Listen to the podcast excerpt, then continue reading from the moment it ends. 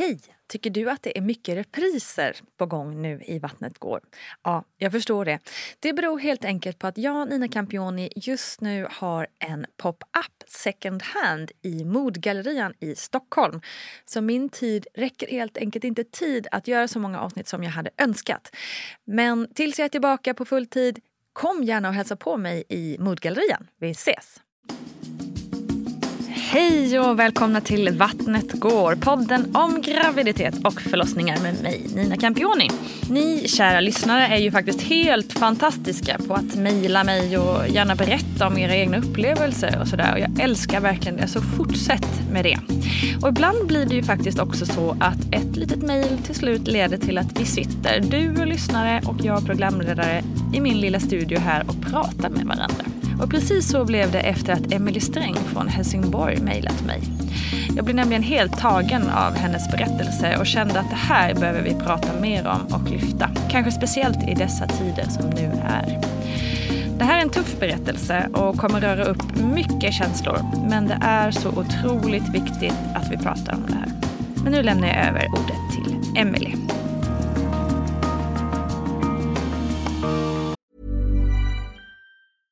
Ever catch yourself eating the same flavorless dinner three days in a row? Dreaming of something better? Well, HelloFresh is your guilt-free dream come true, baby. It's me, Gigi Palmer. Let's wake up those taste buds with hot, juicy pecan-crusted chicken or garlic butter shrimp scampi. Mm. Hello Fresh. Stop dreaming of all the delicious possibilities and dig in at HelloFresh.com. Let's get this dinner party started. Cool fact a crocodile can't stick out its tongue. Also, you can get health insurance for a month or just under a year in some states. United Healthcare short term insurance plans, underwritten by Golden Rule Insurance Company, offer flexible, budget friendly coverage for you. Learn more at uh1.com. Hiring for your small business? If you're not looking for professionals on LinkedIn, you're looking in the wrong place. That's like looking for your car keys in a fish tank. LinkedIn helps you hire professionals you can't find anywhere else, even those who aren't actively searching for a new job but might be open to the perfect role. In a given month, over 70% of LinkedIn users don't even visit other leading job sites. So start looking in the right place. With LinkedIn, you can hire professionals like a professional. Post your free job on linkedin.com slash people today. Quality sleep is essential. That's why the Sleep Number smart bed is designed for your ever-evolving sleep needs. Need a bed that's firmer or softer on either side? Helps you sleep at a comfortable temperature? Sleep Number smart beds let you individualize your comfort so you sleep better together. JD Power ranks Sleep Number number 1 in customer satisfaction with mattresses purchased in-store. And now, save 50% on the Sleep Number limited edition smart bed for a limited time. For JD Power 2023 award information, visit jdpower.com/awards. Only at a Sleep Number store or sleepnumber.com. Har du alltid velat bli mamma? Jag har alltid velat bli mamma och jag har eh, väl alltid velat bli mamma till en väldigt stor familj. För eh, jag är uppväxt med eh, tre syskon och jag är äldsta barnet. Och eh, jag tycker mamma och pappa har gjort ett fantastiskt jobb som har sett till att få fyra bra barn kan man väl ändå få säga. Att det, tycker jag. Så jag absolut, jag har alltid velat bli mamma och jag har velat bli mamma till många barn. Och hur ser den drömmen ut nu? Eh, Den drömmen är egentligen rätt så besannad just nu för att jag lever idag med eh, min man som fick två barn innan vår relation. Eh, Jag höll på att säga att han var väldigt ung när han fick dem. Han var inte jätteung, men han var väl i alla fall runt 25, vilket känns ungt idag. Eh, Men så jag har det här privilegiet att varannan vecka är vi en 12-årig tjej och en 8-årig grabb. Och vår gemensamma dotter Lilly. Så eh, stor familj varannan vecka och liten nätt familj eh, varannan vecka. Och det är rätt så lyxigt. Även om det är tonårsbekymmer och Fortnites svordomar och blandad kompott där att utmanas med som bonusmorsa. Så, eh, men ja, jag har en stor familj. Det har jag redan. Men vi vill bli större. Och det var jag rätt så tydlig med när jag träffade David, min man. Att eh, vi ska vara många och jag vill i alla fall ha två egna barn. Vi börjar prata om Lilly. Mm. Jag blev gravid eh, efter jag hade tjatat lite på, på David. Men han tyckte det var rätt så lyxigt att eh, vara bara två personer varannan vecka också. Mm. Han sa hela tiden att han ville ha barn så det var inte det. Men jag fick tjata lite. Och Lilly kom eh, väldigt, väldigt välkommen eh, från min sida. Och en rätt så normal graviditet. Jag, eller normal, jag kräktes till vecka 20. Eh, men, jag älskar eh, kvinnor som säger att ah, det var inte så, det var rätt vanligt. Men man, man, man har ju, en av mina närmsta vänner kräkte ju till eh, hon födde. Och mm. då känns det som att man, man får sätta allt i relation till varandra. Och, men sen mådde jag fantastiskt vecka 20 till nästan hon kom ut. Ehm, jag gick över 13 dagar som förstagångsföderska och var väldigt, väldigt frustrerad. Men hade ett besök hos min eh, barnmorska då, dag 13 och sa Berit, nu måste du hinsvepa mig. Mm. Och det vet jag att det är väl lite debatterat huruvida man, man gör det eller inte. Så det var det första jag, och det satte igång. Så två timmar senare fick jag den första verken. Efter himsvettning? Ja, mm. så för mig var det väldigt effektivt. Mm, och då sa eh, min barnmorska att du är öppen en och en halv centimeter och du är inte riktigt mogen. Men det är, liksom, det är nog någonting på gång. Så jag vet inte om det var på gång ändå. Men, eh, mm. men för min del brukar jag säga att hinsveps, jättebra. Men det kanske var så att du var på gång men att det var liksom kicken som ja, gjorde... Precis. Mm, drog. Så sen, eh, ja, halv fem kom första verken och vi åkte in vid ett på, på natten efteråt. Och det hade jag ju kämpat där hemma tyckte jag. Eh, jag hade en, en vision om att jag skulle ligga och ta emot verkarna i badkaret. Men det tog så lång tid att fylla det här badkaret med vatten hemma så man blev ju bara frustrerad när man stod där och mm. ormade sig. Eh, men sen när vi kom in så var jag fortfarande bara öppen en och en halv centimeter och det tyckte jag väl själv var lite konstigt. Att, mm. För jag hade ju haft verkare i flera timmar och eh, kanske inte regelbundna men de behöll mig. Sen öppnades inte jag heller så mycket mer eh, på 12 timmar till. Mm. Utan eh, det togs ett beslut om ett akut snitt där efter 12 timmar inne på förlossningen. För att Lillis hjärtljud började gå ner. Mm. Annars tror jag det var rätt så normalt. Eh, epiduralen var ju fantastisk att få där på morgonen när man hade kämpat ett tag. Och, nej, så. Men hur kändes det då att ha kämpat i 12 timmar och inte öppnats? Och sen, alltså, ja, hur kändes det? Nej, men, alltså om jag ska var befrielse? Helt, ja, det var en mm. befrielse. Jag, jag, jag har till och med skrivit i mitt förlossningsbrev att jag har ingen prestige i att mm. föda vaginalt. Mm. Eh, jag litar på er. Eh, jag eh, tycker att ni, ni bestämmer över min kropp just nu. Jag vill bara få ut mitt barn. Mm. Så att när de sa det, det, det ska jag inte sticka under stolen med att säga att det var väldigt skönt för jag mm. hade haft ett, liksom ett, ett normalt verkarbete mm. i flera, flera timmar och var väldigt, väldigt trött och mm. sliten. Och när um, de tog beslutet om snitt så kunde man liksom ligga och ta de här verkarna på ett bättre sätt. Ja, det är så konstigt. Men uh, så för min del uh, gjorde det ingenting och jag känner väl att det är klart att alla kvinnor kanske vill vara med om en vaginal förlossning. Men min, mitt kejsarsnitt var väldigt fint också. Mm. Uh, så att jag, och inte alla kvinnor nej, sant, känner behov sant. av det. Nej. Så det, och det, det kan jag ju alla säga. förlossningar är en förlossning. Som precis, precis. Även om jag kommer ihåg då när man låg tog någon verk bara hur, alltså det här, det här kan ju inte gå om inte man får snittas liksom. Så att man är ju dum i huvudet när man ligger där och ska få ut ungen. Att äh, alla överlever det. Mm. Men nej, så det är ett akut snitt men sådär inte superakut utan jag har ett fint ärr eh, som mm. läkte bra. Och, eh, ja, det var liksom akut men inte i panik? Nej, eller? planerat akut. Mm. Så jag tror, mm. jag tror de tog beslutet vid ett eh, läkarna. Och sen så, så kom Lilja ut eh, 20 över två mm. på eftermiddagen. Mm. Så det, eh, jag upplevde aldrig att det var stressade situationer överhuvudtaget. Mm. faktiskt. Skönt. Så nej, men de har varit med om det också. Mm. En erfarenhet rikare. Mm. Och det var ju lite häftigt, det ska jag också säga, att rullas ner 12 personer som står i det här operationsrummet runt mig. Det var faktiskt samma narkossjuksköterska som det var ett år innan när jag hade haft ett eh, missfall, ett mm. MA. Så att jag blev sådär när jag rullades ner och hon ligger där. Nej men gud, hej Pernilla! Hon bara, oh vem är du? så eh, det blev lite cirkeln slöts. Ja. Att eh, hon som hade hjälpt till vid min skapning även eh, fick vara med ja. när mitt barn kom. Vi gick ju igenom Lille ganska snabbt nu, mm. som ni lyssnare också inser. Men det beror på att vi vill lägga lite extra vikt vid det som komma skall nu. Ja. Precis, För ni vill ju gärna ha fler barn. Vi ville ha fler barn. Eh, och eh, vi gifte oss för ungefär rätt så exakt ett år sedan. Eh, och som den projektledare jag är så tycker jag om att planera. Och jag hade ju planerat att efter vi har gift oss så ska vi försöka på den där fyran som ska slita samman vår familj och mm. sen är vi klara och kan ta nästa steg i livet. Och eh, helt enligt plan, vilket är väl helt galet att säga, att jag har haft en lyckan och turen att bli gravid lätt så blev jag gravid.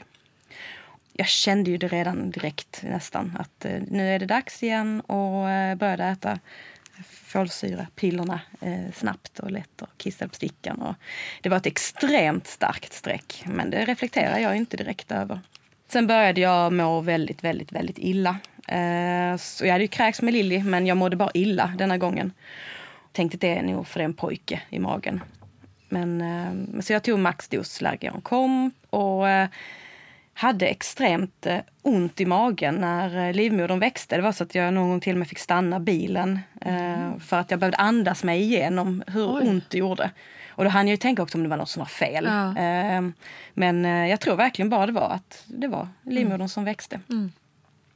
Sen, jag tror det var i vecka 9 eller 10 så fick jag en blödning och i och med att jag hade haft ett MA innan Lilly. Så kan vi börja säga vad Emma eh, Mr Abortion, mm. eh, vilket innebar att jag fick veta i vecka 14 att eh, mitt barn hade försvunnit vid eh, vecka 8.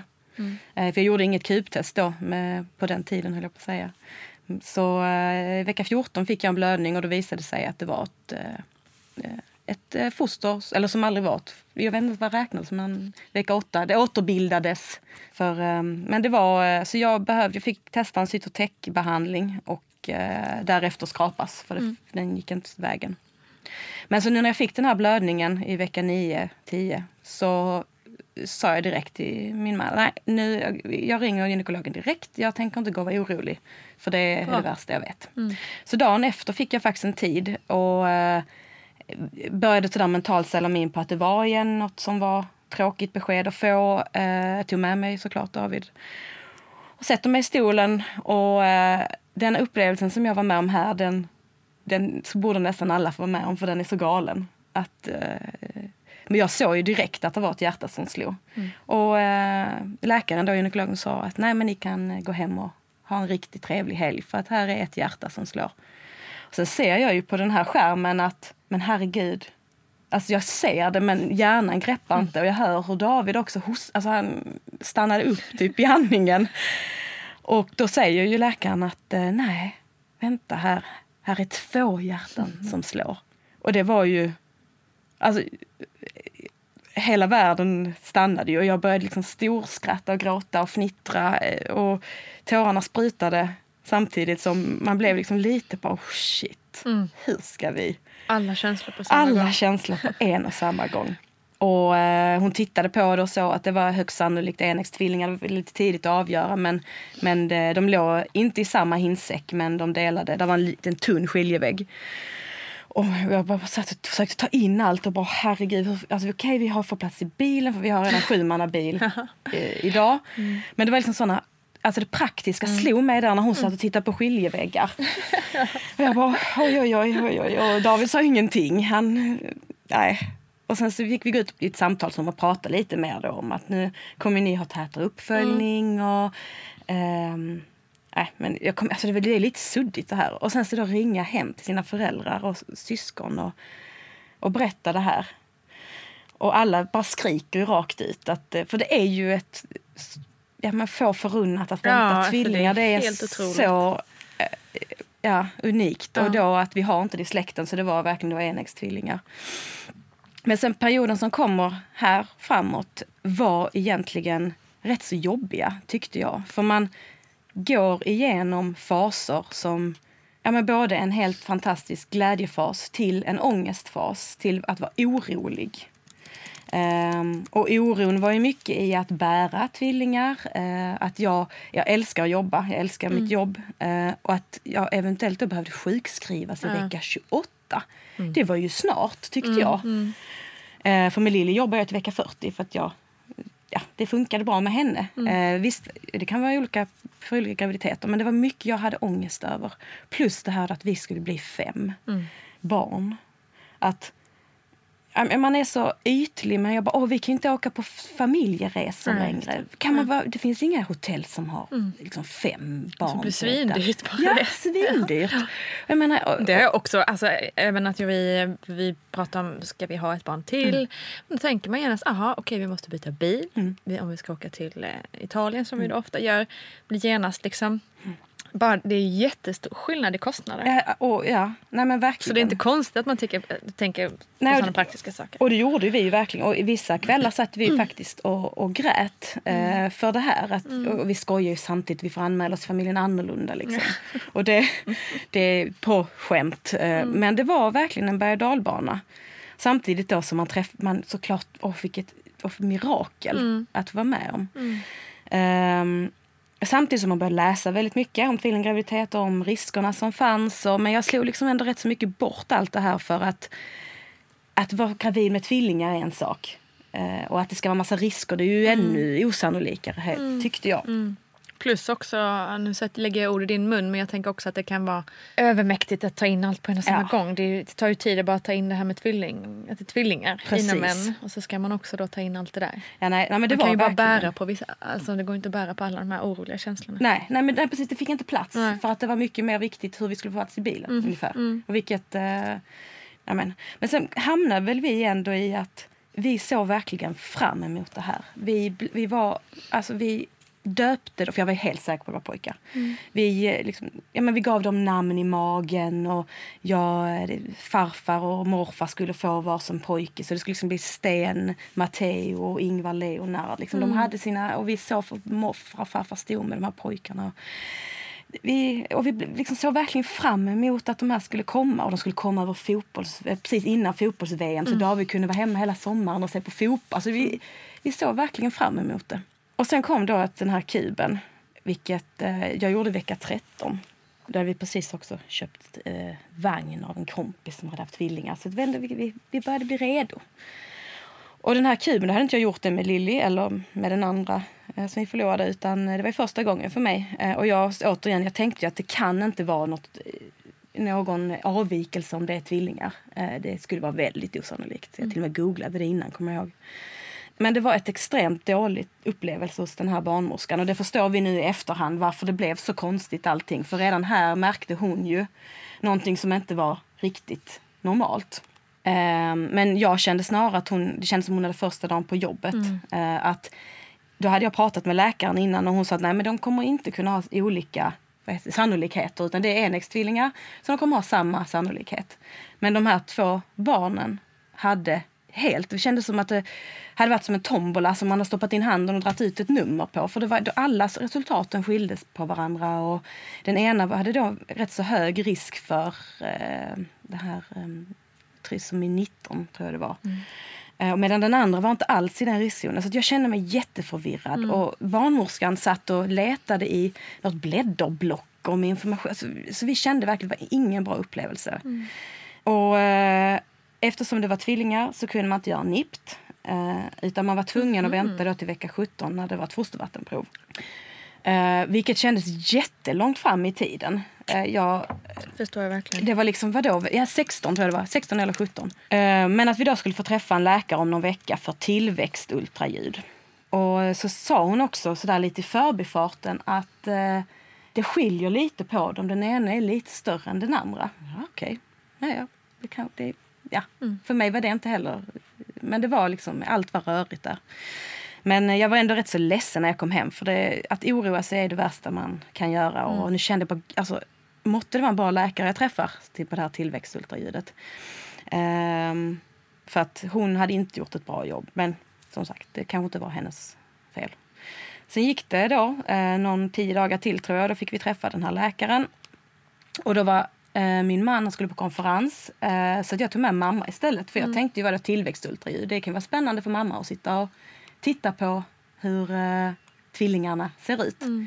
Och mamma följer med. Eh, och ehm, jag möts av en eh, helt fantastisk läkare i Helsingborgs lasarett. Som eh, är väl den som eh, har varit bäst genom hela denna situationen eh, framåt. Vi kommer in i ett vanligt undersökningsrum och han sätter den här, smörjer magen och sätter på eh, ultraljus. Eh, och jag ser dem direkt och med redan blotta ögat där så ser jag att den ena är större än den andra. Till och med mer från då när vi hade varit på eh, kuben. Att, Oj, att det skilde lite. Men äh, jag, jag visste ju ingenting.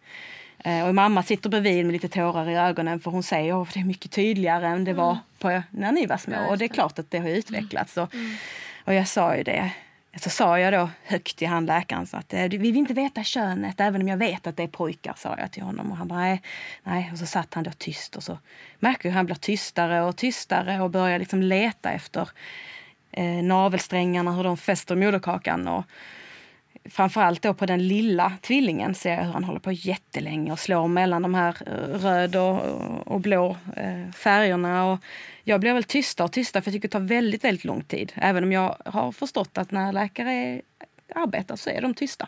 Och eh, sen så vänder han eh, på stolen och eh, lägger handen på mitt lår och eh, säger, tittar mig djupt i ögonen och så säger han att eh, Eh, du, vi kanske skulle träffats tidigare. Så jag bara, jaha, eh, okej, okay. vadå träffats tidigare? Men nej, Emelie, vi har en eh, väldigt tuff resa framför oss. Och jag bara, va? Ehm, så började han ju förklara eh, att eh, din, ditt ägg delades väldigt sent. Eh, så att dina tvillingar delar moderkaka. Och de delar moderkaka eh, på ett ojämnt sätt. Så att, som du säger, att en av tvillingarna är större och en av tvillingarna är lite mindre. Mm. Och detta är något som vi, jag misstänker är selektiv i UGR. Och du kommer framöver, åka ner till Lund, eh, eventuellt upp till Karolinska i Stockholm. Men vi, vi börjar här. Så jag bara, vad är det du säger? För att mm. även om jag hade läst på mycket om tvillingutmaningar eh, så det här hade liksom inte ens korsat min, eh, min vetskap. Jag bara, mm. vad, för jag bara, är det där TTS eller är det... Och han bara, nej, nej, detta är något som är extremt ovanligt. Jag har inte sett det i Helsingborg någon gång. Mm. Eller, just det, han visste inte till 100 vad det var utan han ville inte lägga en diagnos utan det ville han att läkarna i Lund skulle mm. göra. Mm. Men han misstänkte att det var detta. Så jag, så jag bara... Va, va, Selektiv? IUGR eh, heter det. Och det innebär då att en av tvillingarna fick för mycket energi av mm. moderkakan och den andra fick för lite mm. energi. Vilket var då fara för både liten och stor ja. för att de utvecklas, den ena utvecklas för snabbt och den andra utvecklas för lite mm. eller för långsamt mm. mot vad då som är normalt. Och eh, jag, jag, jag kommer ihåg jag ställde några liksom, frågor till honom. Bara, vad, vad, vad, menar du med tuff resa? Så han mm. bara, nej det kan hända att vi kommer behöva plocka ut dem i vecka 24-25. Jag bara, okej. Okay. Alltså det var ju typ om åtta, ja. eller nej om nio veckor. Ja.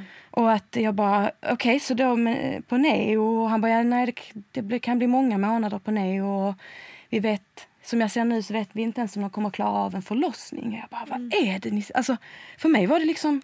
Så han bara, så nej detta är något du måste ta med dig. Så jag bara, vad är det du säger? Ska jag ta bort dem? Mm. Så blev det helt tyst i rummet. Och, ehm, och han bara att det är inget vi ska avgöra idag. Jag vill bara att du ska ha det med dig. Och mamma blev liksom som, som mamma skydda sina barn. Även om jag är, vad då, var 34 så mm. Så hon bara, men vad menar du om din fru hade legat här och du hade fått det här beskedet? Vad hade du tyckt din fru skulle göra? Mm. Och då sa han att eh, jag vet inte vad jag hade gjort. Så frågade han, du ni har barn idag? Jag bara, ja vi har barn idag. Då, eh, nej jag kan inte råda er till någonting. Och då blev det för mig bara, what? Alltså, och och här, jag var så tacksam, men vi fick gå hem såklart för jag hade suttit där en timme. Liksom. Jag var helt bara, vad är jag? fattar ingenting. Så går vi ut i hisshallarna i Helsingborgs eh, lasarett och där man hade suttit något år innan med att visa att mamma, pappa, Lilly och ser de här bebisarna som alla mormor och farmor får träffa. Och då liksom min värld bara, usch, alltså rämnade mm. fullständigt. Och bara, vad fan, ta bort dem. Alltså, Just det, och då hade jag frågat innan jag gick ut för dörren att men, men då, då, då skrapar ni väl mig? Alltså ni, mm. ni, ni mm. opererar väl bort dem? Alltså, mm. ni, nej, du kommer behöva föda ut dem i så fall. Och jag bara, oh, shit. Så att, men eh, som sagt, vi, vi hade ju inga klara besked. Vi visste inte ens vad det var. Utan han var bara väldigt, väldigt ärlig. Mm. Och det är jag så extremt tacksam för idag. För sen fick vi, jag gick stod där med min remiss i hisshallarna. Och två dagar senare fick vi komma ner till Lund och träffa ja, specialister där nere. Och eh, jag brukar säga att läkaren i Helsingborg var min ärliga eh, punkt i det här så var eh, läkaren i Lund eh, Solskens-Lars brukar vi kalla honom. Mm. För att vill, har du cancer så vill du träffa Lars i Lund. Mm. För att han var en sån här som, han letade efter de minsta halmstrået som han verkligen han ville, han, han trodde på det här och han liksom han ville nog att jag skulle kämpat längre nu när man ser på det än vad jag faktiskt sedan eh, gjorde. Eller kämpa ska vi inte säga för det var extremt tufft. Men de konstaterade där nere i Lund att eh, detta är i selektiv IUGR. Eh, vi har inte haft det heller i Lund på väldigt länge för det är så ovanligt. Eh, man hade gjort eh, någon operation här uppe på Karolinska där man går in och eh, stryper tillförseln för en av tvillingarna. Att man tar bort mm. en av tvillingarna i magen. Mm. Men då med inga garantier för hur den stora egentligen skulle mm. må utan det får du veta när den kommer ut helt enkelt. Och det kunde fortfarande vara i vecka 25-26 eh, eller en helgången graviditet. Men då kunde det vara att man fick ett, ett barn en helgången graviditet som hade hjärnskador. För att mm. Man kunde inte sätta fingret på vad det var. Eller man, kunde inte, man kan ju inte avgöra hjärnskador så tidigt i magen men man kunde väl garantera att någonting inte och då var det så här, okej okay, ska jag, nu, nu, i den här perioden jag är nu så är det då träffar både i Helsingborg och i Lund och man gör olika tester och um, det, detta är liksom en svart period i mitt liv för det är det jobbigaste jag har gått igenom utan tvekan att uh, leva med det här att Alltså vi förstod väl tidigt att vi aldrig skulle kunna rädda båda. Mm. Men det här att kunna rädda en var kanske något som vi ändå levde lite längre med. Mm. Um, men sen är det precis som att när man upplever saker så börjar man se sig om på ett sätt. Så jag började ju se alla barn i mm. rullstolar. Mm. Jag började se på Facebook alla de här inläggen som var just då med att inte man fick rätt eh, hjälp hemma. Mm. Att LSS, det var inga pengar för det. Och, och jag kände liksom någonstans att jag har, vi har, framförallt har vi tre friska barn. Skulle jag åka upp till Karolinska då och ligga här uppe i kanske tre, fyra månader när jag skulle lämna min familj hemma utan att veta att det faktiskt är ett friskt barn som kommer till mig. Det blev att man... Det kändes som jag gamblade så mycket med min nuvarande familj. Mm. Eller de som jag hade i livet.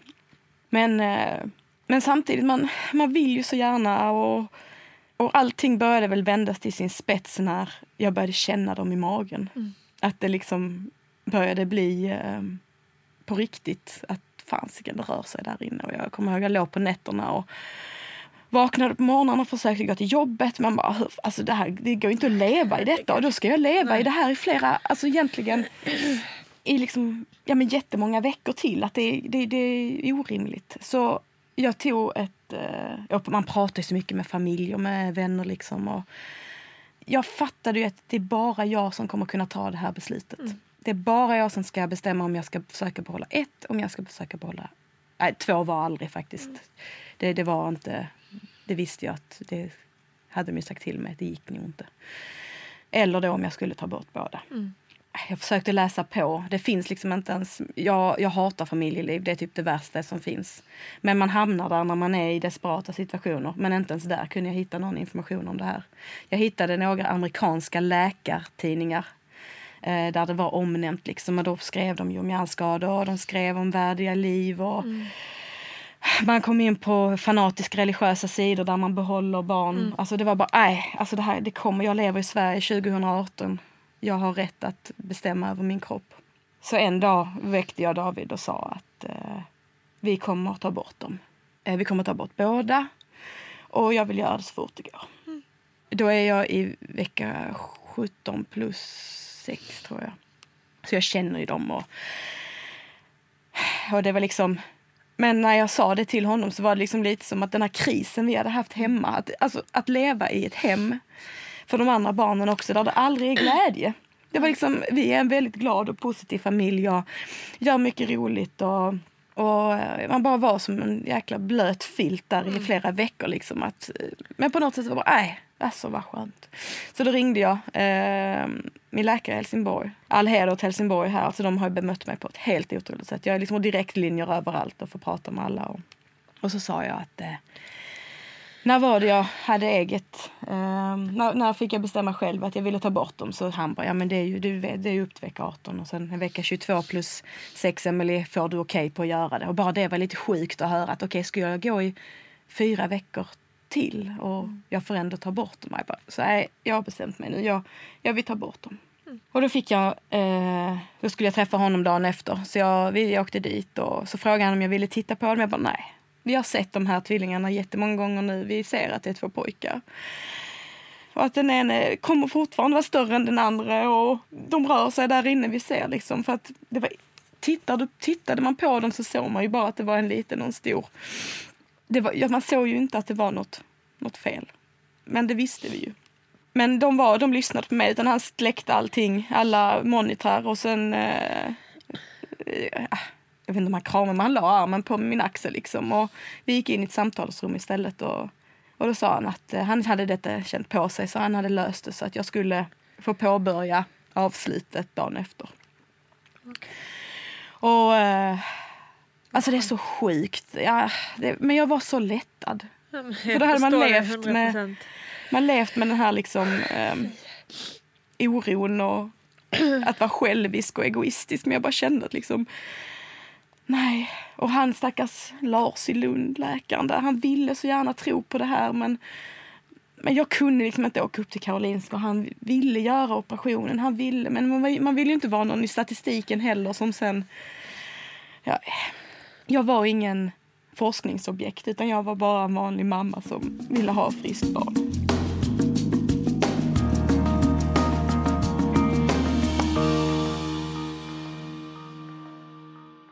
Så nu börjar egentligen del två av denna historien och det är det som jag egentligen saknade mest när allt det här inträffade. Att visst, det fanns ingenting om selektiv IUGR i Sverige direkt. Men det finns alldeles för lite om att föda ut döda fosterbarn. Därför ville jag göra detta, för att jag känner att detta behöver folk få veta hur det går till, hur det känns, hur det känns efteråt. Och det är inte så farligt, man överlever faktiskt. Mm. Men... Eh, Ska jag bara förtydliga, med detta menar du alltså komma hit och prata om? Ja, inte, komma hit och... inte utföra själva? Nej, det hoppas jag aldrig. Jag hoppas att ingen ska behöva vara med om det. Men jag vet om att det är jättemånga som är det. Mm. Så jag är då i vecka 18 plus nu när eh, vi är på sjukhuset igen. Eh, och eh, detta är en, en lördag klockan två. Och vi får komma in i ett samtalsrum igen Eh, och där sitter en barnmorska som heter Annika. Och uh, detta har ju de gjort bra på sjukvården också för det var Annika som skulle ha hand om hela min förlossning sen också. Men jag fick alltså träffa henne redan då två dagar innan. Och man kommer in och på en röd liten bricka ligger det två tabletter och ett litet glas med vatten. och uh, jag ska säga att i allt det här så har då min, min, min man varit enorm, alltså ett stöd. Att, uh, och han sitter här ju med. Och varför jag tar upp honom nu igen är väl för att här blir det extremt jobbigt för honom under detta, eh, denna sessionen, eller vad man säger. Att sitta där inne och där tar man ändå ett aktivt beslut mm. av att stanna, mm. stanna ett liv. Mm. Vilket är ju så sjukt egentligen. Men eh, jag vet inte, jag var, jag var mycket hårdare än, eller jag, jag vet inte, det är väl det här med att stålsätta sig och att bygga murar. Eh, hon förklarade hur det skulle gå till. Att eh, jag fick komma redan sju på morgonen på måndagen. Och de här tabletterna, vad de gjorde. Om jag ska vara helt ärlig kommer jag inte riktigt ihåg. Men de stannar inga hjärtan. Utan...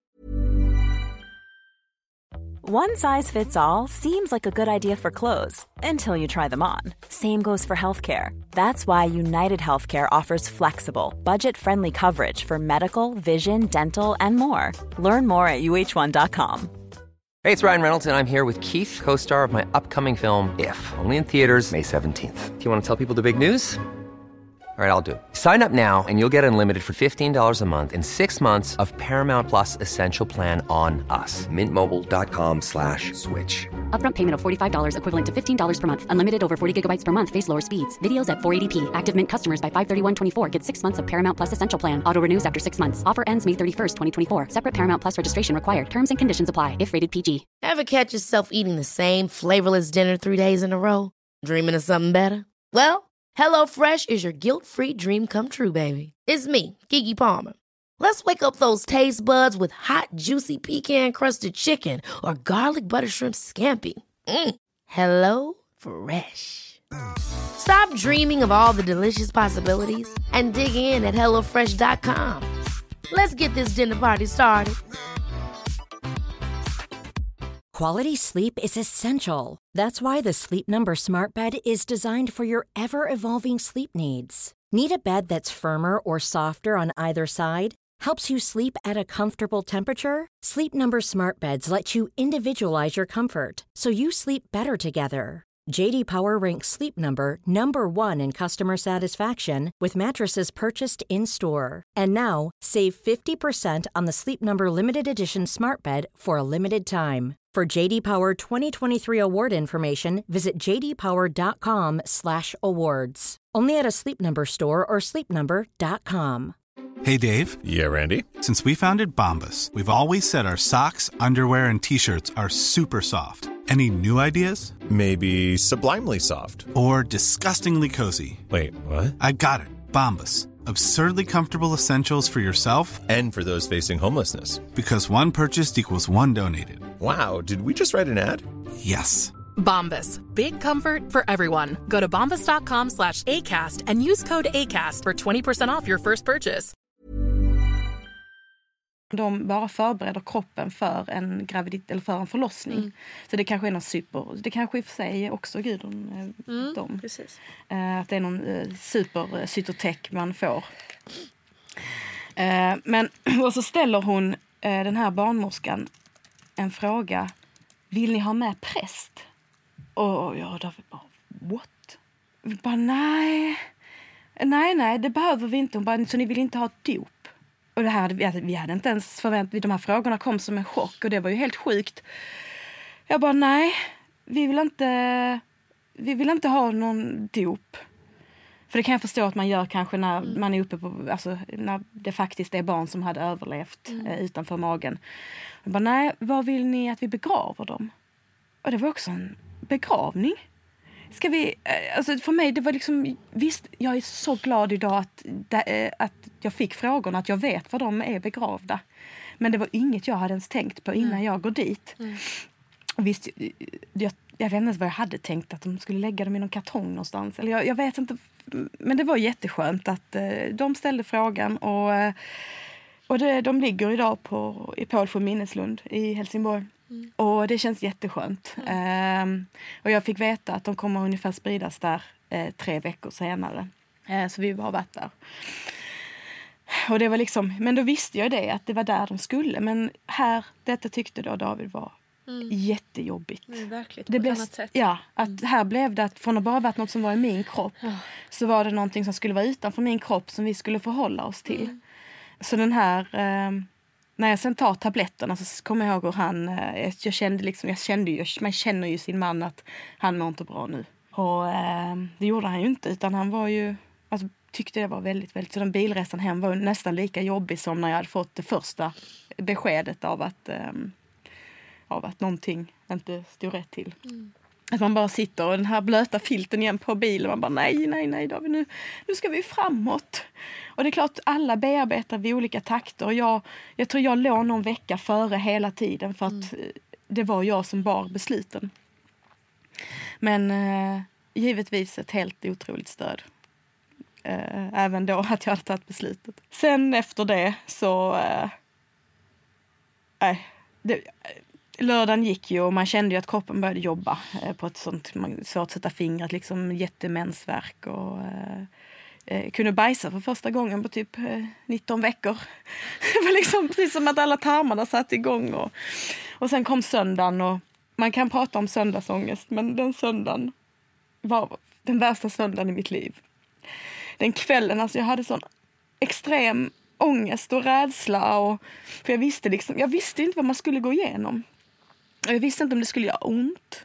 Jag visste inte om eh, jag skulle få komma hem efter en dag eftersom jag hade haft cytotekbehandling innan och då hade jag börjat skrapas efteråt. Och, det var, jag var alltså, fruktansvärt.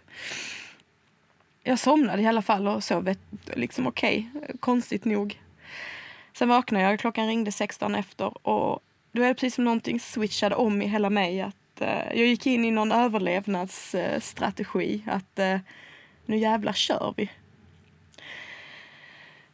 Så jag tog mig in till sjukhuset och eh, här slutade jag på något sätt gråta. Jag vet inte, det måste, man går utanför sin kropp på något sätt. Och var där inne klockan sju, satt på min säng och kände liksom ändå att jag skulle vara positiv. Och Annika, barnmorskan, kom in precis som planerat. Och jag sa till Annika där att nu gillar inte min man blod riktigt så vi, eh, han, om han kan undvika det. Alltså, han är lite känslig.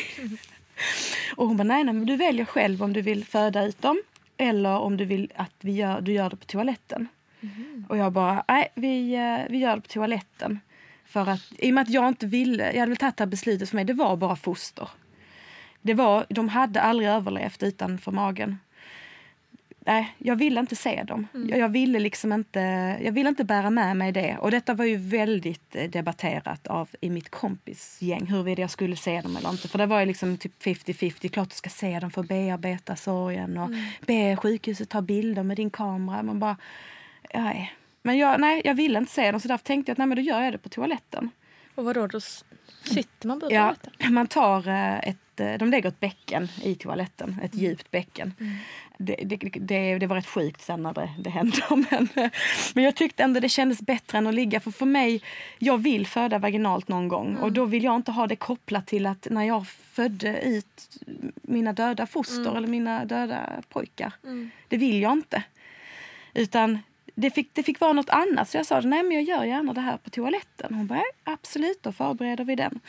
Och sen var det ju så helt otroligt att här fick jag typ en, en plan beskriven för mig på morgonen. Att nu klockan sju händer det här. Klockan nio kommer det ungefär kännas så här. Klockan elva gör vi det här. Och jag bara, åh vad skönt. Inte som en vanlig förlossning där man inte vet någonting. Det kan ta 12 timmar, det kan ta 24, det kan ta 48 och sen får vi snitta dig. Utan de, det var liksom planerat. Och projektledaren igen, åh, jag gillade det där. Så sa jag ju till dem att jag, jag har ju haft en cytotechbehandling som inte blev bra. De bara, nej, nej, men det behöver inte vara likt denna gången. Jag bara, nej, nej, okej. Men jag hade ju ändå att mamma och pappa skulle hämta Lilly på förskolan och sådär. Så att jag, jag trodde ju att jag skulle behöva stanna över natten. Eh, så jag fick första eh, pillerna. Eh, jag tror det var fyra piller man stoppar upp eh, i snippan vid sju. Och fick en tensapparat vid åtta. Eh, och skillnaden här med att eh, föda barn som inte ska överleva är ju att man får morfin. Vilket, eh, ja, det, är ju, det underlättar ju hela den här dagen tror jag. Att du blir lite avtrubbad samtidigt som det bedövar smärta. Ehm, men, eh, men jag fick en morfintablett också direkt och den här tensmaskinen. Och sen kom David in vid halv nio när han hade lämnat alla ungarna. Och, Eh, och då hade jag också på den morgonen lagt ett Instagram-inlägg där jag berättade eh, i korta drag att, vad som hade hänt. Jag hade aldrig liksom gått ut med att jag väntade tvillingar heller för att så jag ville veta att allt var bra med dem innan jag berättade om det. Och det hade ju inte varit bra. Men jag fick en sån enorm respons av detta inlägg. Alltså jag, alltså, man älskade vänner alltså som skickade och jag, hela telefonen var full. Så jag liksom, vi kunde ändå ligga där och läsa alla de här meddelanden från nära och kära. Och, man blev ju så rörd och liksom ändå det stärkte mig verkligen att ligga där och ha ont och bara få alla vänners kärlek. Så det var ju sådär väldigt eh, välplanerat också att jag la det där på morgonen för att vi fick pepping hela dagen. liksom. Ja. Mm. Av nya människor som man inte har hört av på flera år. Liksom dyker upp sms bara vi Mm. så, gud. Och David fick liksom av sina vänner och familjen och, och sen eh, började, alltså jag tror det var vid 9-10 så började verkligen alltså riktigt verkarbete börja. Och eh, vi höjde tändsmaskinen om och om igen. Och vid eh, 11 tror jag fick en ny dos Cytotec och eh, Annika då fortsatte bara klappa mig på huvudet och allt liksom var, nej men det var verkligen en bra stund i den här sjuka situationen. Sen kommer jag ihåg att mamma skickade något sms vid 12 och då, eh, då hade jag skitont. Och, jag- alltså, det känns också sjukt att ligga och ha verkar när du inte får något ut av det. Så jag skickade till mamma att eh, nej nu, nu jäklar, nu måste jag nog ha mer morfin för nu, nu är det fruktansvärt smärtsamt här. Så ringde jag då på och kom de och fick jag jättemycket morfin. Eh, och då sa eh, Annika till mig att nu om typ en och en halv timme så kan du, du kommer det trycka bakåt som eh, en vanlig förlossning och du kommer känna att du vill bajsa. Och jag... Jag eh, ja, ja, ja, jätteskönt att de berättade det också. Sen, eh, och då, då var jag väldigt hög på morfin efter det. Ehm, och eh, efter typ en kvart så säger jag till David bara shit nu, nu trycker det bakåt jättemycket. Nästan liksom lite lättad att det hände. Och så går jag in på toaletten då och tar med mig min, det här med droppet.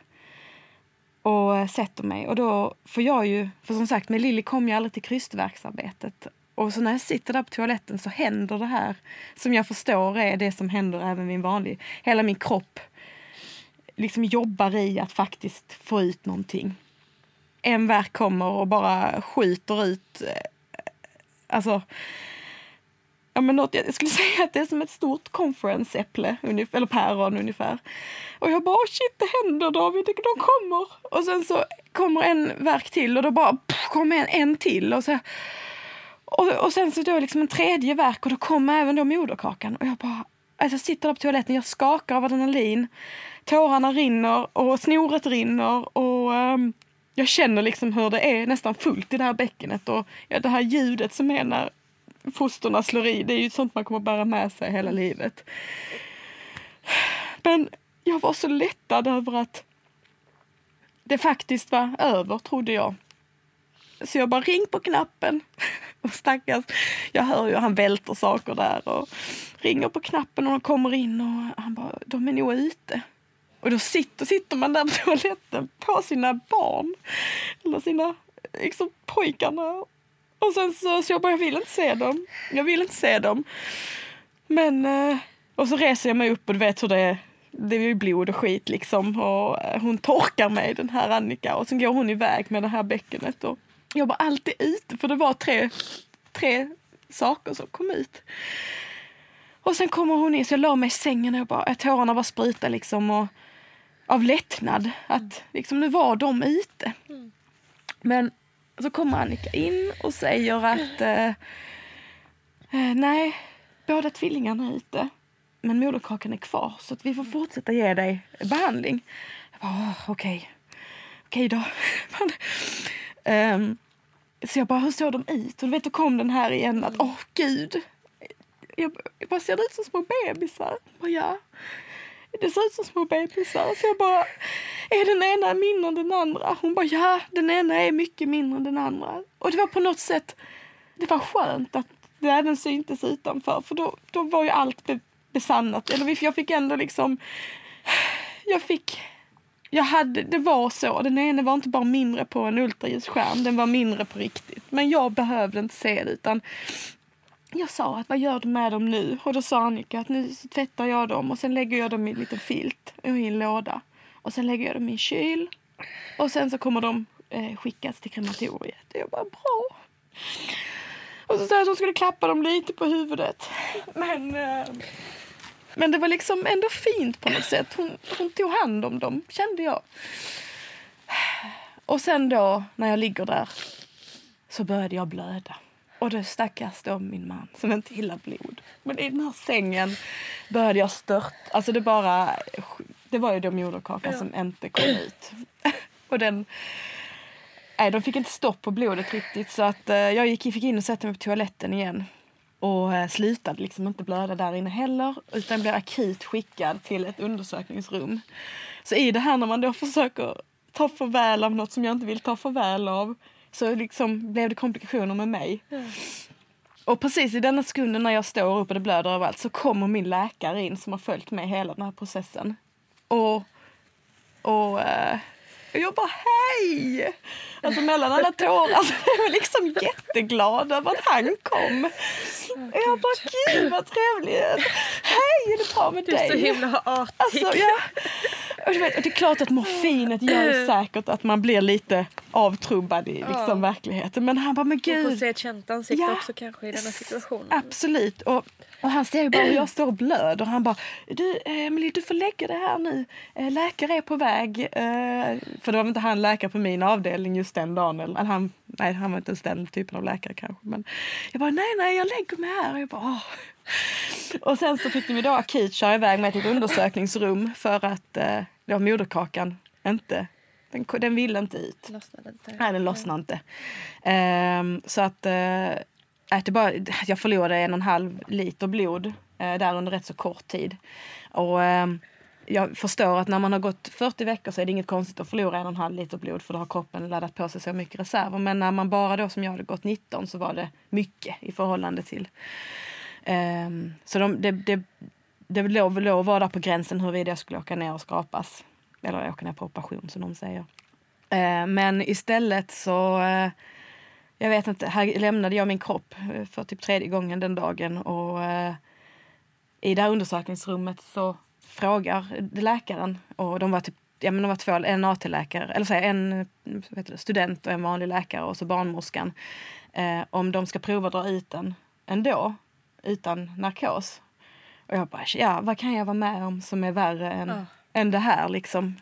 Jag bara, nej kör på, kommer jag ihåg jag sa. Jag bara låg där i den här sängen. Jag hade tensapparaten på max. Hela, liksom, hela livmodern, eller allt här nere bara hoppade.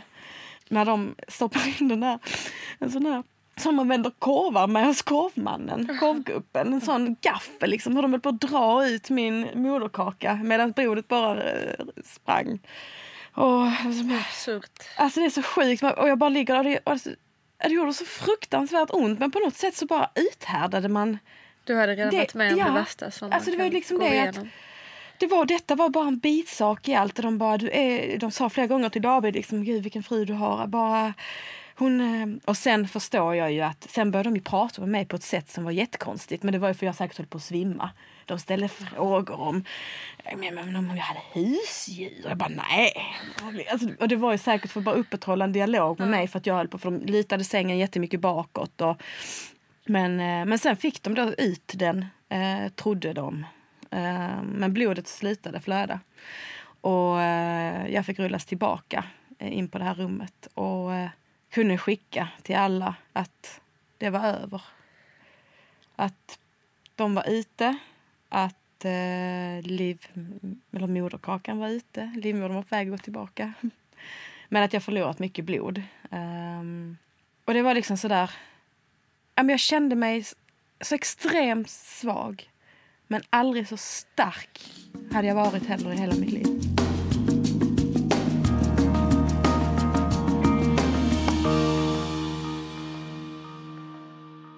Det är klart att som sagt, utan sjukvårdspersonalen som var helt otrolig, utan David som var helt otrolig och utan morfin hade man nog inte överlevt riktigt så bra. Men det är ju allt innan den här förlossningen var värre än själva ja. den här förlossningen. För att, att ta besluten, att bära på den här smärtan, att inte veta om man kan rädda dem. Den här ångesten om man ska ja, men, rädda en eller två eller kommer den överleva? Ska jag bli en mamma som går med rullstol? Kan jag bli en bra mamma med rullstol? Det är klart jag kan men mm. det var så mycket jobbigare än att behöva föda ut dem jag kände ju som sagt att för första gången i mitt liv så behövde jag nog prata med någon utomstående. För jag, jag hade jättemycket stöd av alla. Och jag, eh, jag sov sen i tre dygn. Men, men så då ringde jag faktiskt en kurator. Och, eller jag fick, jag fick ett nummer av sjukhuset. Mm. Um, Förlåt, jag ska bara snyta Nej, alltså. Uh, oh, shit. Så här mycket har jag aldrig gått i okay. podden kan jag säga. Nej usch, du skulle veta vad jag har gråtit innan ja. allt det här. Alltså man, jag, ehm, jag kan bara ana. Är det, men, men sen var det ju att... Och sen får man komma hem den här kvällen till sitt barn. Som faktiskt är det bästa plåstret som man kan ha. Och min bonusdotter kom och serverade mig liksom ostmackor där uppe på kvällen. Och man bara, vilket dygn man är med om. Liksom. Eller 12 timmar, det tog inte ens, det tog 12 timmar jag var, jag var hemma åtta på kvällen, så 13 timmar från det att jag fick första till att jag kunde vara hemma med min familj igen. Och det är ju en helt liv i sig, de 13 mm. timmarna. Men eh, nej, helt sjukt. Och sen, eh, sen var jag extremt eh, trött ända tills eh, jag var på återbesöket och det visade sig att jag hade jättedåliga blodvärden. Så jag fick, eh, eh, jag fick inte blod men jag fick, eh, vad heter det, ja, blod tabletter, mm. järntabletter. Men jag kunde ändå inte riktigt stänga dörren för utmaningen var att jag hade avslag i jättemånga veckor efter detta. Vilket var helt galet. Jag visste jag hade haft avslag med Lilly men det slutade efter typ fyra veckor. Men denna gången så slutade inte avslaget. Mm. Och eh, efter sju veckor så tyckte jag det var lite konstigt. Eh, och då ringde jag sjukhuset och sa att eh, jag vill att ni kollar på mig igen för jag, jag slutar liksom inte blöda. Och de bara, men gud har du inte slutat blöda? Det, det, du var ju bara vecka 19 datorn. Det, det, det borde bara gått på typ två veckor. Åh nej. Så då var vi tillbaka på sjukhuset sju veckor senare och då visade det sig att eh, det var rester kvar av moderkakan. Så de hade inte fått bort allt under den här rätt kaotiska situationen i undersökningsrummet. Ehm, så jag brukar säga att eh, mitt liv startade igen i, i april i år. När jag skrapades och eh, allting försvann och då slutade jag ha avslag. Vilket givetvis var inte avslag, det var ett moderkaka. Eller resten var kvar. Men, eh, men så det var, det var långa, långa månader.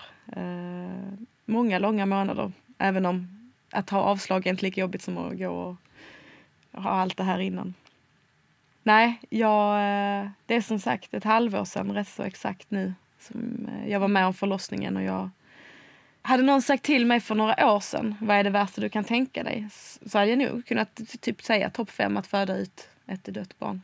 Och eh, jag tror såklart att det är ännu värre när man har gått längre i sin, eh, alltså i, i, i sin graviditet för att jag valde ändå att stoppa när jag började känna det mycket i magen. Och det är ju först då man oftast börjar med anknytningsarbetet. Men det var, det, jag vill säga man överlever, man klarar det. Och man blir starkare av det. Det blir man verkligen. Vi har gråtit en del idag. Hur känns det att berätta om det? Så här? Ehm, ja, men det känns... eh, det känns faktiskt väldigt skönt också. Jag saknade denna informationen när jag själv skulle gå igenom det.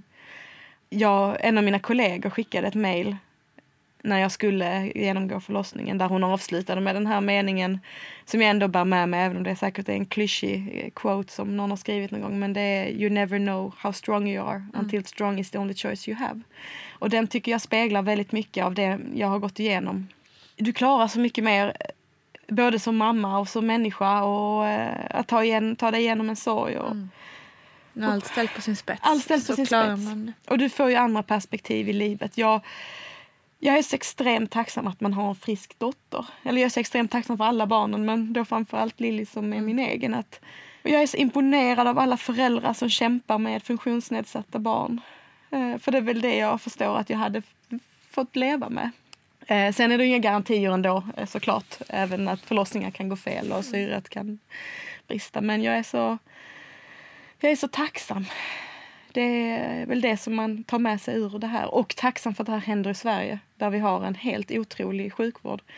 Eh, Jag vet att det, de Och kan än inte så få- länge fri aborträtt. Den är jag ju... eh, Jag sitter och ser måste på... vi värna allihopa. Absolut. Jag, eh, jag såg debatten igår. Och eh, jag hatar honom för det han säger. Att det skulle vara sjukt för jag, ja det hade kanske kunnat vara barn som hade kunnat överleva. Och att inte jag skulle få välja det själv är sjukt faktiskt. Nej, det är galet. Det är Att vi är galet. här nu. Det Ja. känns, eh, nu kommer det här sändas efter valet men eh, det känns konstigt att vi ens ska behöva reflektera över den frågan 2018. Men det, är- det, det har jag ju verkligen gjort i denna processen. Mm, det förstår jag. Det är, är ju verkligen något som man funderar. Och jag har ju också tänkt mycket på det här med illegal abort i andra länder. Man blir väldigt engagerad, typ i Argentina. Liksom. Det är galet. Eh, Och det mest, nu blir det politiskt här men ja. det mest eh, fruktansvärda argumentet tycker jag är när de säger, de som då eh, menar att man ska inskränka på aborträtten, att eh, kvinnor gör abort som om det vore ett dagen efter-piller. ja, nej. Alltså det finns väl inte en abort någonsin som inte föregås av enorm ångest, rädsla, eh, kluvenhet eh, och liksom fram och tillbaka, fram och tillbaka inombords. Nej. nej men så är det verkligen. Och det är fortfarande så är väl 98 procent av alla abort som görs idag är innan vecka 12. Så eh, nej, det är ju nej, Det är hemskt. det är förkastligt. Men eh, det är helt... Eh, det, är- jag kommer aldrig sluta imponeras av dig och din styrka i det här. Och att du vill eh, berätta om det. Jag tror det kommer hjälpa jättemånga. Även om man inte hamnar i exakt samma situation så finns det olika, massor av olika sätt man hamnar i något liknande eller eh, rädslor man har kring det. Mm. Ja, nej, och det är, det är därför. Och som sagt, folk kan gärna höra av sig. Om de, jag, vet, jag är lite inne på att jag någon gång ska skriva ner allt det här också. Mm. Så att om man googlar, som jag försökte göra väldigt mycket, att man kan hitta eh, mig någonstans. Jag får väl lova det, att jag, Mm. jag skriver ner det här, Mm. historien också. Mm, någonstans. verkligen. Och än så länge kan man kontakta mig så kan jag vidarebefordra i så fall. Det får du jättegärna. Ni får jättegärna göra det. Och jag, som sagt, jag kan både svara på frågor om, om hur hela själva förlossningen går till och hur jag resonerade i tankearbetet av att veta att eh, barnen i min mage inte skulle få värdigt liv när de Mm. föddes. Hur tänker du framåt i livet nu? Man kan väl säga som så här att efter jag fick mitt MA innan Lilly så ville jag bli gravid med en gång. Alltså då var det verkligen, det var bara fokus på det. Men denna gången har jag behövt läka på ett annat sätt. Ehm, jag har haft en helt fantastisk sommar där jag har druckit jättemycket prosecco och ätit jättemycket charkuterier eh, och njutit av att faktiskt inte vara gravid. Men jag vill givetvis bli mamma. Eh, jag är redan mamma men jag vill bli, få möjligheten att vara gravid en gång till. Så att vi hoppas verkligen att det kan komma ett barn till oss under 2019. Projektledaren. Projektledaren. Fast jag, jag förstår ju det också att eh, det blir aldrig som man har planerat. Nej. Eh, varken eh, förlossningar eller graviditeter eller eh, ett barn kommer väl aldrig lämpligt. Men eh, jag ska försöka att ta det lite, eh, lyssna på min kropp. Ska jag faktiskt eh, göra. Även om jag eh, ska låta eh, min läkare titta på mig faktiskt så att allting är bra där nere. Eh, för det var ändå rätt så mycket som gicks igenom. Och, eh, så jag har en tid om några veckor när jag ska kolla upp allt. Men jag vill bli eh, mamma igen. Det ser jag fram emot. Och eh, framförallt behöver Lilly ett syskon skulle jag säga. För varannan vecka håller hon på att bli en bortskämd odåga. Så nej, mamma igen, det vill jag bli. Som sagt, ett halvår senare just nu när vi sitter och pratar. Hur, hur mår du idag? Jag mår väldigt bra idag. Eh, både med allt det här jag har gått igenom och eh, man brukar prata om det här med som sagt, jag kan återvända till den här kuratorn. Eh, Jag var hos eh, en kurator en gång eh, och fick prata. Jag höll monolog i en timme och en kvart, ungefär som här. Ja, det här är nog det program jag ställt minst frågor okej. i tror jag. Gråtit mest och varit tyst mest. Eh, nej men, skillnaden med eh, kuratorn och dig Nina är väl att dig, dig tycker jag ju att jag känner eftersom jag har följt dig i flera år men du känner inte mig. men kuratorn kände jag inte. Eh, men det hon sa till mig var att eh, nå ut, ut, med, eh, ut med detta. Ehm, och jag kan väl rekommendera det också att, att kanske prata med någon när du går igenom en kris. Eh, även om du tror att du är stark. För att även om jag bara gick till den här kuratorn en gång så kände jag att jag fick med mig några verktyg från henne att använda i det här arbetet. Och en av dem var faktiskt att vara mer egoist. Att, vad jag pratade med kuratorn om, om också var den här ångesten som jag ändå hade att på något sätt hade jag ju, eller jag hade ju ångest när jag fick veta att det var tvillingar. Jag var rätt så självisk, lite, lite elak mot mig själv. Att varför ska jag få tvillingar som redan har ett barn? Kan ingen, de som kämpar i flera år, kan inte de få tvillingar? Jag var lite, lite otacksam skulle jag säga. Eh, under då, eh, perioden innan. Medan eh, jag och sen händer det här. Så i, I vissa stunder när man är elak mot sig själv så tänkte jag att gud, är det för att jag var egoist som... Just det. Att du blev straffad. Ja, att jag blev straffad av att jag hade tänkt så. Men det, det vet jag att det var det inte. Ehm, och sen så var det nog också det här med att jag var en... Jag kände mig att det var jag var en egoist som tog ett beslut att ta bort dem. Att, mot, mot de här fosterna. Även om som sagt, de hade inte högst sannolikt kanske inte ens överlevt en förlossning.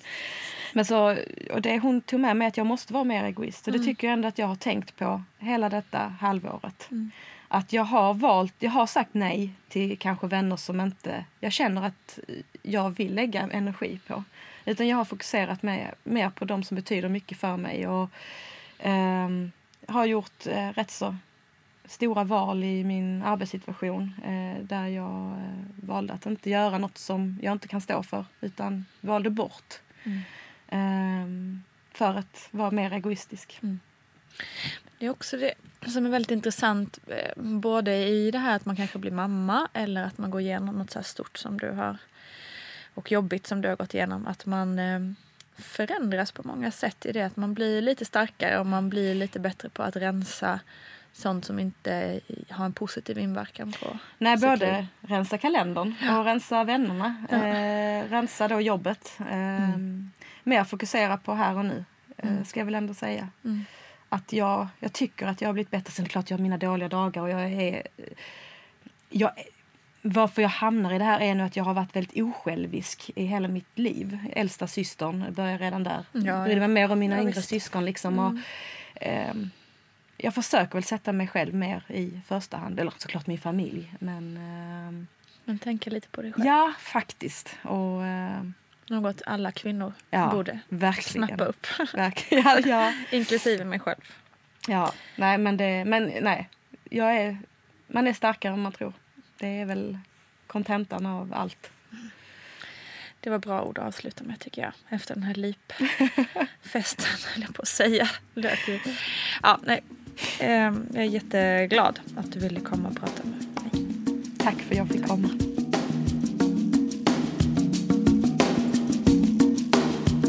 Oj, det här var tungt hörni. Men att sitta mitt emot Emily Sträng och höra hennes extremt jobbiga upplevelse men sen samtidigt se att jo, hon överlevde detta. Hon är stark. Hon kan skratta. Det är fan ta mig allt. Jag vill tacka dig Emily och dig som lyssnar. Keep your head up säger jag bara till alla. Och låt oss alla verkligen värna om rätten till våra egna kroppar. Ingen man ska någonsin bestämma över din kropp. Så är det, tycker jag.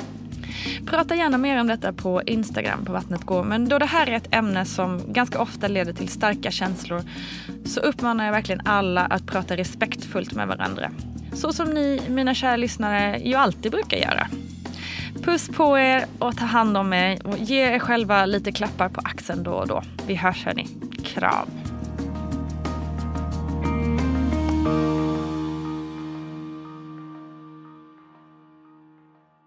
Producerat av Perfect Day Media.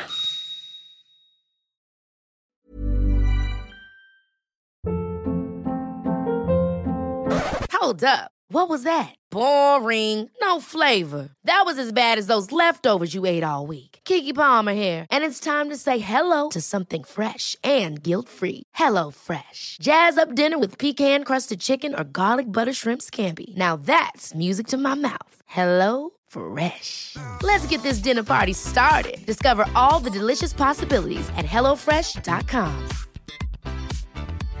Imagine the softest sheets you've ever felt. Now imagine them getting even softer over time. That's what you'll feel with Bowl and Branch's organic cotton sheets. In a recent customer survey, 96% replied that Bowl and Branch sheets get softer with every wash. Start getting your best night's sleep in these sheets that get softer and softer for years to come. Try their sheets with a 30-night guarantee. Plus, get 15% off your first order at bowlandbranch.com. Code BUTTERY. Exclusions apply. See site for details. Planning for your next trip? Elevate your travel style with Quince. Quince has all the jet setting essentials you'll want for your next getaway, like European linen, premium luggage options, buttery soft Italian leather bags, and so much more. And is all priced at 50 to 80% less than similar brands. Plus, Quince only works with factories that use safe and ethical manufacturing practices. Pack your bags with high-quality essentials you'll be wearing for vacations to come with Quince. Go to quince.com slash pack for free shipping and 365-day returns. Hi, I'm Daniel, founder of Pretty Litter. Cats and cat owners deserve better than any old fashioned litter. That's why I teamed up with scientists and veterinarians to create Pretty Litter. Its innovative crystal formula has superior odor control and weighs up to 80% less than clay litter. Pretty Litter even monitors health by changing colors to help detect early signs of potential illness. It's the world's smartest kitty litter. Go to prettylitter.com and use code ACAST for 20% off your first order and a free cat toy. Terms and conditions apply. See site for details.